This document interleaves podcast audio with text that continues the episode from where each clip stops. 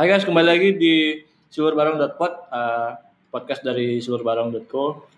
Yang uh, hari ini kita akan ngomongin tentang gimana salah satu produk kita yaitu Gamma 1930.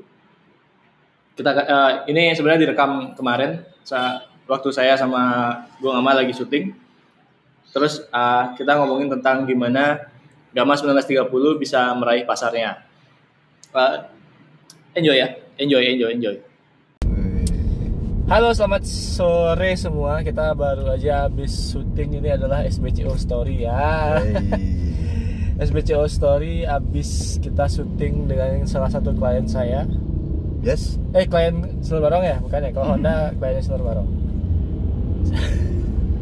Kita habis syuting konten satu menit Ya. untuk suatu Honda. Perusahaan. Untuk sebuah perusahaan eh, kendaraan Kendaraan. bermotor ya. Hey. Jadi kita sebenarnya syutingnya tadinya berlima. Saya director itu di belakang eh, yang pakai kacamata itu bukan itu Dena Dena Dena adalah eh, salah seorang eh, apa deh up to me itu apa deh Wih, fotografi enggak eh di seluruh barong di seluruh barong Dena bertugas sebagai eh, sebagai fotografer nggak gitu deh Enggak. Kurang lebih.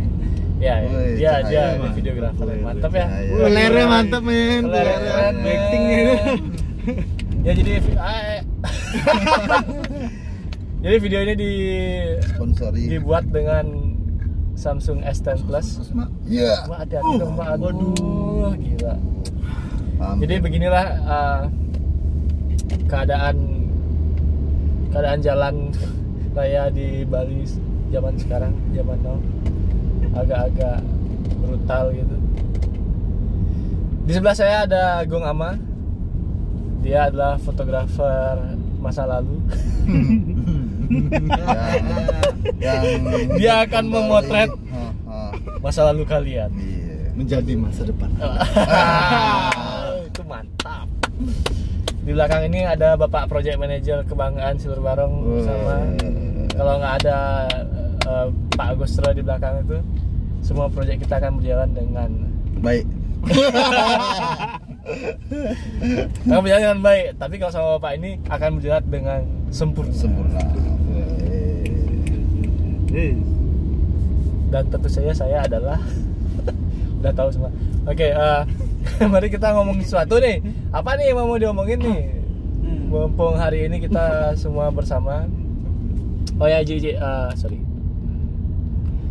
Eh, eh, beli Gong Ama ini dan Pak Gustro itu tergabung dalam proyek Gamma 1930 di mana eh, di proyek itu memotret apa harus konstruksi 1930 itu adalah kayak nge-recall gitu uh, budaya-budaya Bali di zaman dulu sebagai salah satu proyeknya Silur Barong dan uh, Gama kita berjualan foto jadul itu ya istilahnya ya ya, ya begitulah kira-kira. jadi gimana konsepnya sebenarnya Konsepnya apa? Gama tuh? Gama foto 1930 itu gimana Hmm, Gama Foto 1930 adalah sebuah proyek foto untuk kembali eling wahai kembali eling kembali mengingat sebenarnya bukan ke masa lampau tapi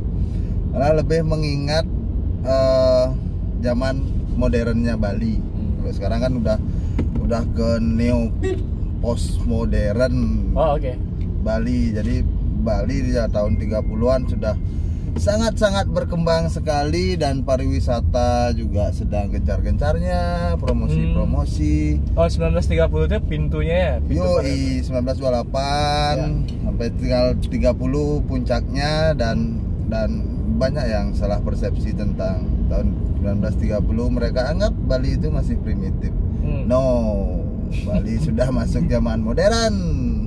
Nih, nih, nih. Begitu. Dan Oh. fashion di tahun itu ya cukup epic, eh, elegan, Mhm. em, metaksu, luar biasa sekali. ya Tidak mochi. tidak Gitu moce lah. tidak moce itu tidak norak Iya, ya, nggak norak, nggak Ya, norak. kalau metaksu itu ada istilahnya ada faktor X-nya gitu yang Nah. bikin itu kayak bercahaya Ya, itu yang Gama 1930 ingin keluarkan kembali, Mhm. ingin mengembalikan kembali bagaimana fashion Bali, bagaimana kehidupan sosial masyarakat Bali Mhm. di tahun itu, bagaimana keikhlasan Mhm. masyarakat Bali Mhm. di tahun itu dan mengingatkan kembali kepada klien-klien kita agar mempelajari paling tidak tahu sejarah oh ya ya betul keluarganya Ya, ya, gitu. betul. itu yang saya sering jual sama klien karena kan selain kita juga mendokumentasikan uh, pernikahannya mereka kita juga mau mendokumentasikan uh, budaya kan gitu ya supaya kita tuh Hmm. masih tetap ingat Ya. karena media media untuk kita merekam budaya itu sekarang kan sudah banyak berubah kalau dulu kan masih 1930 kan sudah ada yang mulai foto kan gitu kan ya sudah mulai kalau dulu kita merekamnya dalam sastra kan misalnya kita nulis ya nah, betul habis itu berkembang lagi berkembang ke uh, foto Ya. dan sekarang video ya itulah kenapa di 19, agama 1930 kita juga jualan foto dan video Video. Gitu. jadi ya Masih ada air. akhir haus pak Iya.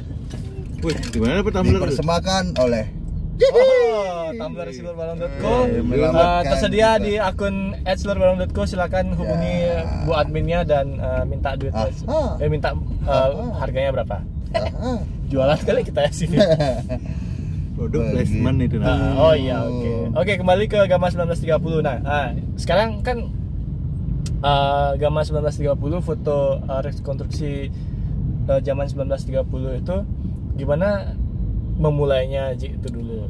Apakah dimulai dengan kayak memulai. memulainya sebenarnya cukup lama sih ya. Maksudnya eh, awalnya dari kegelisahan. Bukan maksud apa-apa ya bapak-bapak dan ibu-ibu netizen.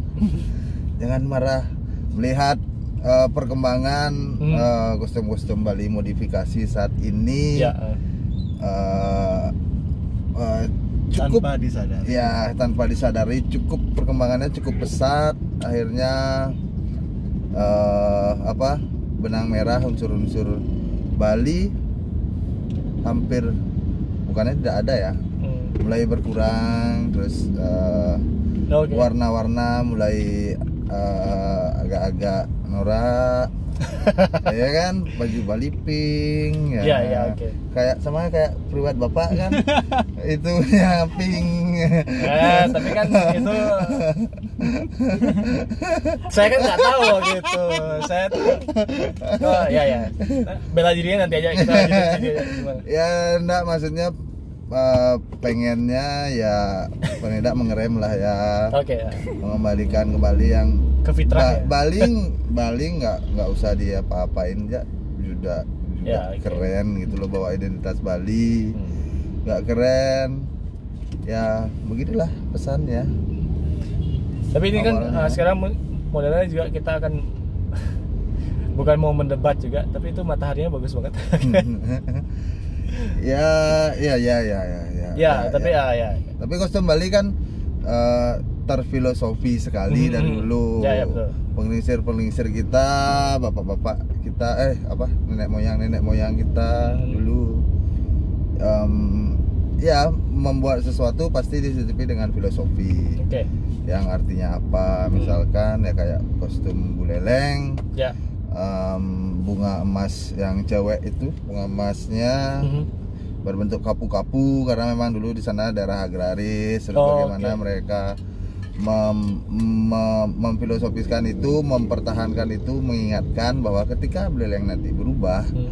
tapi bunga ini tetap menjadi simbol Oh. bahwa setiap daerah di Bali punya loh punya punya apa punya Ya emang kan ciri khas masing-masing Ya itu kalau Dari misalnya dari dari masyarakat masyarakat tradisional kan memang biasanya dia mengadaptasi dari lingkungan sekitar kan gitu. hmm.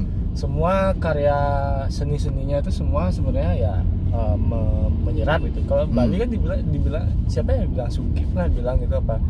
Kalau Bali itu budaya Bali itu kayak spons sebenarnya jadi kayak ya dia tuh menyerap ya menyerap apa yang sekitarnya tapi tidak semua Aduh, diserap gitu. Polisi Ah. guys, guys ada polisi guys. guys, Maaf Pak, polisi guys. maaf Pak. tidak semua diserap pasti dimodifikasi dimodifikasi Ya. disesuaikan dengan turunan-turunan uh, kita ya. kan banyak Cina India ya itulah itulah kenapa kita punya barong. Ya barong tuh dan asalnya dari barongsai sebenarnya kan Hmm. Akul- akulturasi budaya dengan Cina akulturasi Nih buat kalian yang benci-benci sama Cina maaf ya.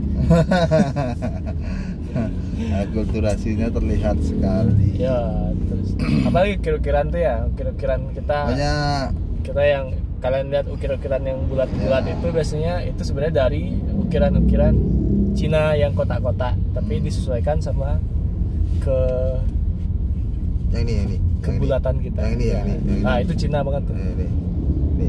Ya. ini Cina juga Eh, kita ngomong apa? Oh iya, akulturasi budaya itu mulai masuk mulai masuk ya 1930 ya? udah lah Jauh udah sebelumnya. Oh, jauh jauh sebelumnya, sebelumnya, jauh sebelumnya udah dari zaman zaman kerajaan Oh, tapi itu kerajaan. pertama kali didokumentasikan dalam bentuk visual gitu apa ya? apa ya 1930 itu? enggak itu. memang banyak peristiwa yang terjadi di sana pergerakan aktivis wanita sudah ada di tahun itu Oh, ya oke. terus eh, apa eh, untuk memerangi eh, mengkam- mengkampanyekan bahwa apa stop ti- tidak menggunakan penutup dada itu loh wanita itu loh Hmm. kenapa kalian banyak melihat foto wanita telanjang di internet Telanjang saat dada. ini. Telanjang dada. Oh iya telanjang dada bukan telanjang total ya. Telanjang dada. Nah, karena itu mem- memang memang wanita Bali memang digunakan untuk bukan digunakan ya difungsikan. Banyak foto-foto wanita Bali jadi pemerintah Belanda mengundang banyak Ah. fotografer yang datang ke sini atau enggak wisatawan-wisatawan yang datang ke sini Mhm. memotret wanita Bali untuk mempromosikan pariwisata. Hmm. jadi itu bukan semua sih hampir sebagian besar itu Di masa eh, itu. di masa itu adalah Hmm. settingan agar bisa menjual Bali ke luar negeri. Luar negeri. Oke. Dan Bali dari situlah start eh, apa Pulau Surga. Pulau Surga. Wah. Itu dan itu sepertinya jahat sekali. Dan, Iya ya, dan menjual seksualitas gitu ya. ya akhirnya ya foto-foto yang itu yang kalian lihat sekarang. Oh, berarti sebenarnya kalau kayak dibilang kayak budaya kita dulu itu open gitu, sebenarnya nggak juga ya? Sebenarnya itu open itu iya sering dulu cuman Iya. eh, maksudnya tidak tidak terlalu mungkin di rumah aja. Oh, oke. Karena faktor eh, ekonomi terus eh, cuaca yang panas betul. membuat wanita-wanita Bali zaman dulu itu Hmm. ya kayak kita cowok Ya, ya, buka ya. baju gitu Buka kan. baju ya, rumah ya, gitu itu sih kan. biasa aja Hmm. menurut mereka karena mungkin itu faktor ekonomi terus eh, cuaca yang panas Hmm. Ya, mungkin membuat mereka apa dulu tuh faktor kesetaraan gender lah itu. Nah, Oh iya iya. Nah, cewek cowok tuh sama. Cewek-cewek sama aja dan tidak ada yang nafsuan dan itu. Nggak ada. gitu. Ya, itu Ada yang ngaceng. normal lah itu. Ya, ada yang ngaceng tidak ngaceng. Generasi ternyata habis. Terus kan habis. Ternyata. Oke, nah itulah yang uh, berusaha jadi kayak beberapa di klien Gama juga kita berusaha merekonstruksi uh, sejarah dari uh, Mereka? mereka sendiri gitu. Misalnya saya nih siapa? Ya. dulu uh, punya bapak apa kakek saya misalnya pejuang Belanda Ya. gitu.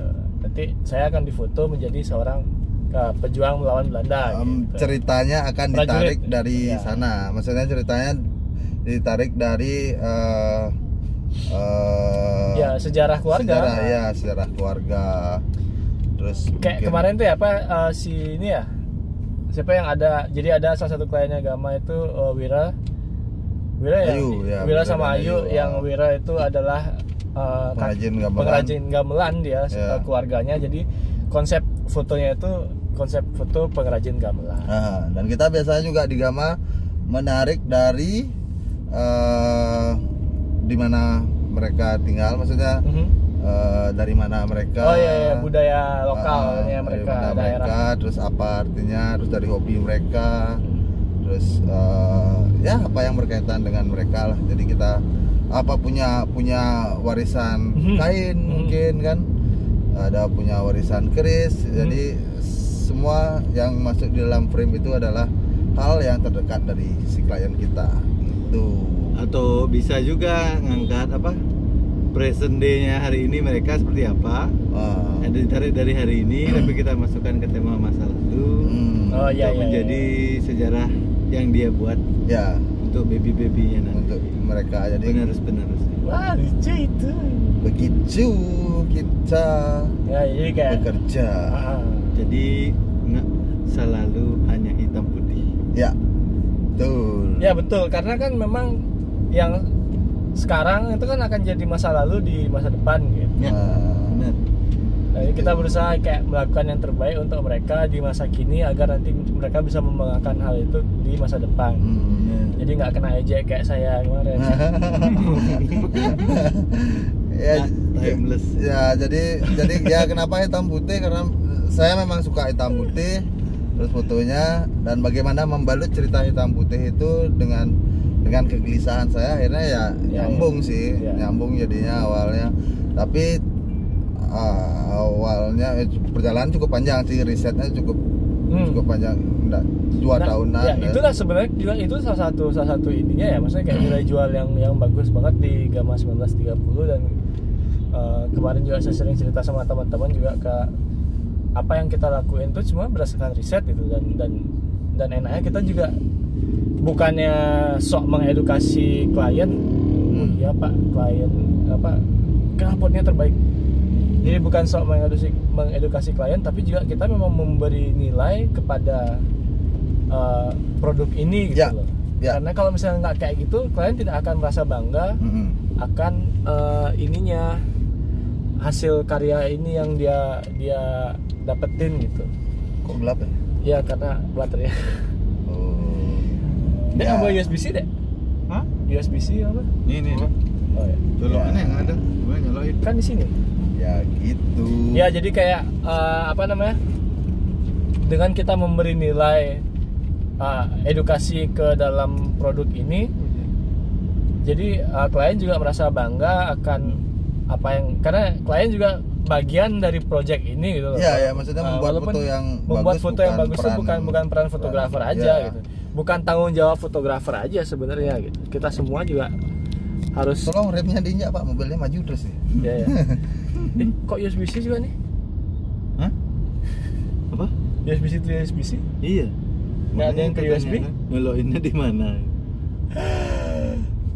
guys powerbank kan nggak ada powerbank USB-C ya nggak apa ya kita lanjut aja sampai dia mati Ngesep dia? Hah? Ngesep apa enggak dia?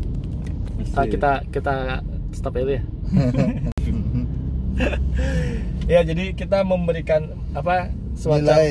Nilai kepada produk yang kita berikan kepada Hmm. klien kita agar klien kita merasa bangga juga dan merasa apa ya mereka Ya, selain- berproses juga ya Dan selain bangga juga juga mereka tahu apa yang mereka buat Nah, gitu loh. Jadi ketika ada ngapain kamu foto foto Nah, dia- gitu, dia juga bisa putih?" cerita nih iya, sama Iya, ini. ceritanya ini A B C D E. Nah, Oke, misalnya, jadi ya biar enggak mereka eh, ya ya ini yang ngetrend saat ini eh, tolong gitu loh.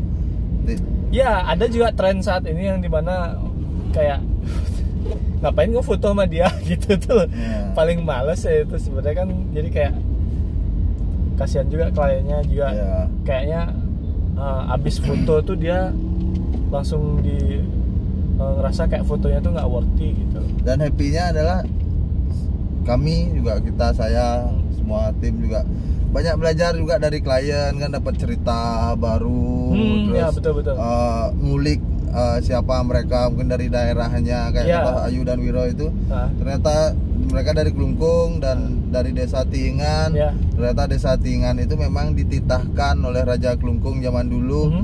Sebagai uh, Pembuat desa pembuat gamelan. Oh, jadi kan oke. seru banget kan. Jadi Ya. kita tahu oh oh gitu. Iya. Ya jadi uh, kita jadi juga nggak ya, nguliknya nggak nguliknya. cuman buat mereka aja Iya, edukasinya, buat kita, kita, juga banyak dapat banget. edukasi, Kita ya. banyak banget dapat dari dan itu juga dari bisa klien. jadi fondasi buat uh, Ah. di- apa buat riset-riset ya gamma riset berikutnya yang lain. Itu jadi uh, ya setiap yang datang dia bawa, bawa storynya sendiri walaupun Hmm. Walaupun ya mungkin kalau perasaan saya mungkin lokasi kita di sana-sana aja Mhm. eh, di Purianom aja mungkin Hmm. tetapi setiap klien punya ceritanya sendiri jadinya nuansanya tetap bakalan beda gitu Iya, iya, tetap betul, bakalan betul, beda sudut-sudut yang kita dapat bakalan beda dan dan seru aja sih ya ya ber berkolaborasi dengan para klien yang asik-asik dan akhirnya memang memang kebanyakan yang datang akhirnya Hmm. eh, ke kita yang dia yang mereka memang paham. Ya. Maksudnya tahu bahwa oh saya ini harus ngapain gitu. Dan itulah kenapa agama sulit diduplikasi. Hmm. sebenarnya ya maksudnya kalau di ditilik benar-benar kayak sekarang eh, saya mau bikin foto kayak gini ya mungkin semua orang juga bisa foto hitam putih dengan eh, baju adat Bali dan sebagainya gitu. Tapi nilainya. Kembali lagi kan sekarang kita lihat nilai dari riset terus nilai akurasi budayanya eh, untuk ke waktu itu kan nggak nggak semua bisa ngelakuin itu gitu. Di sinilah kita kayak ngerasa kayak oh ini bisalah kita bersaing lah gitu. Dengan eh, apa namanya foto-foto zaman sekarang misalnya kan kayak gitu kan. Ya kembali lagi ke selera sih maksudnya buat buat kalian yang suka mungkin ada Iya. yang ada ada juga Ada yang yang suka, tidak ya. suka ya ada juga yang tidak suka Gak apa-apa kembali lagi ke selera Eh, jadi paling tidak kita menunjukkan identitas kita bahwa style kita atau Hmm. gaya kita berkarya ya seperti ini misalnya tidak menutup kemungkinan Mhm. saya akan berkarya di project lain maksudnya project zaman 1930 Iya, betul, ini gayanya Iya. ini ya nanti kembali lagi oh ya kita sudah Hmm. ada adiknya Gama Ya. Gama Posmo, Posmo nanti. akan gayanya akan seperti ini Nah. nanti akan ada apa lagi SPCO foto mungkin akan gayanya seperti apa jadi Hmm. ya semua project punya gaya masing-masing dan bagaimana kita menanamkan gaya di setiap project Hmm. itu hey, gaya gaya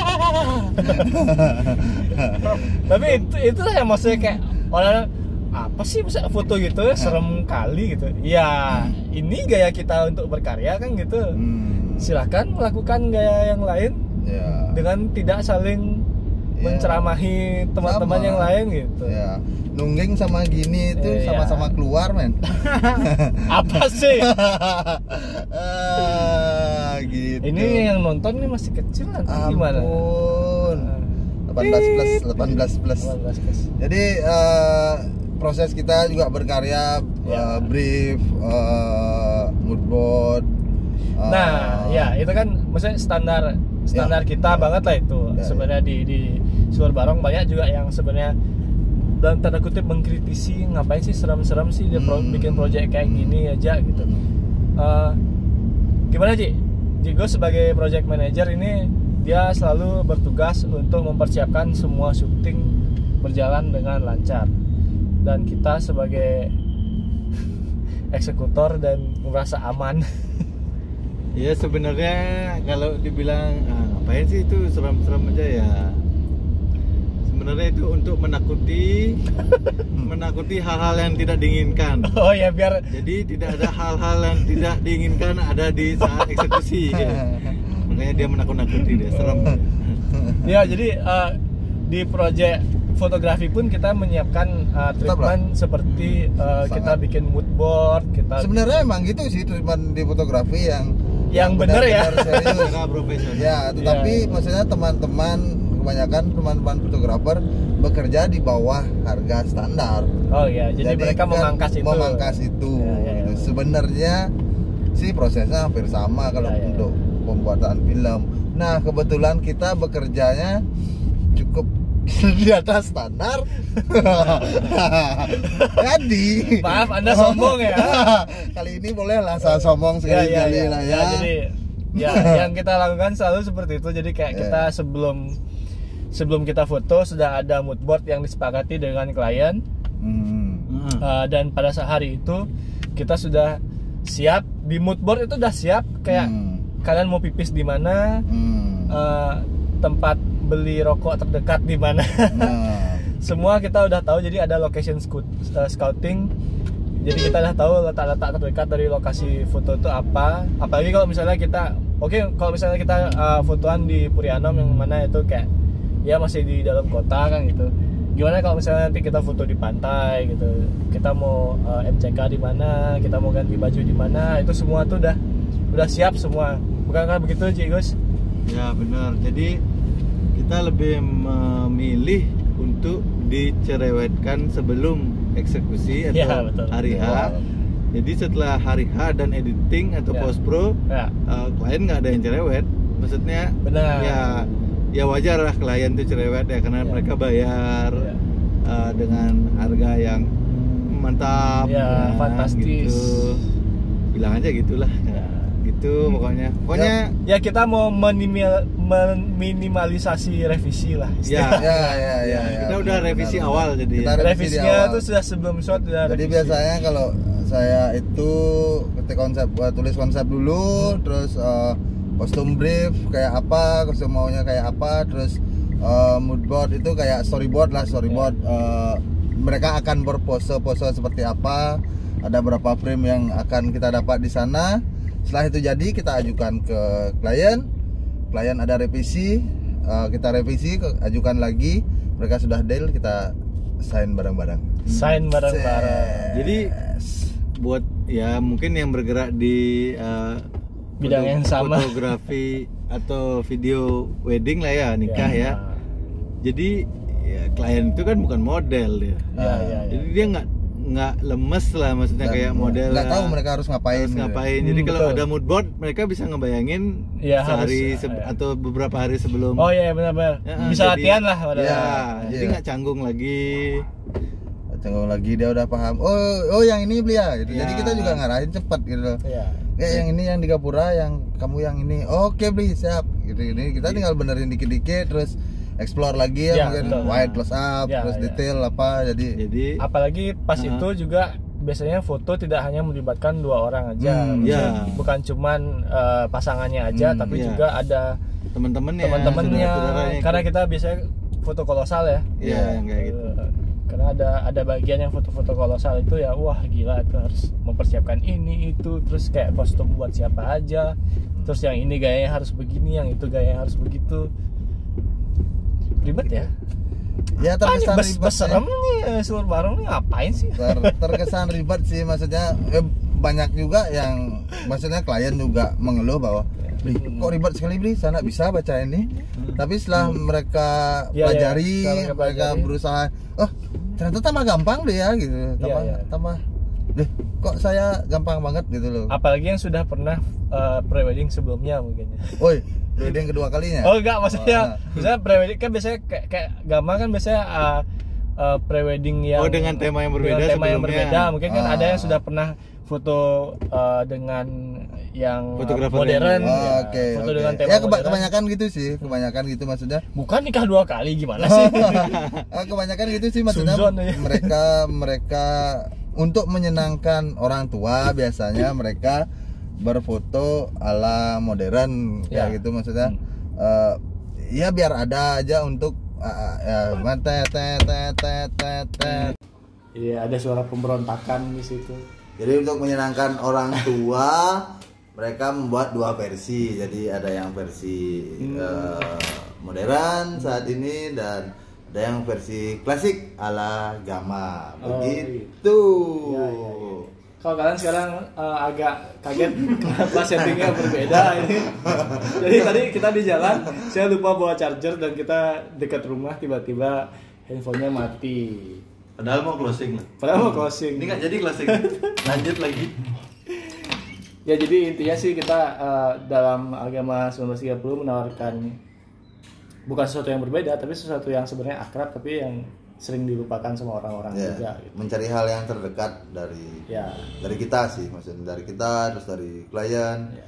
Kayak Terus apa konsep-konsep pun mengingatkan kembali orang-orang Bali sama tradisinya. Hmm. Tapi bukan maksudnya kayak menggurui, tapi kayak ini loh ada pilihan untuk ya. untuk kalian eh, tahu Nah, gimana eh, apa budaya kita sebenarnya. Gitu. kita lebih baik eh, eh, apa namanya?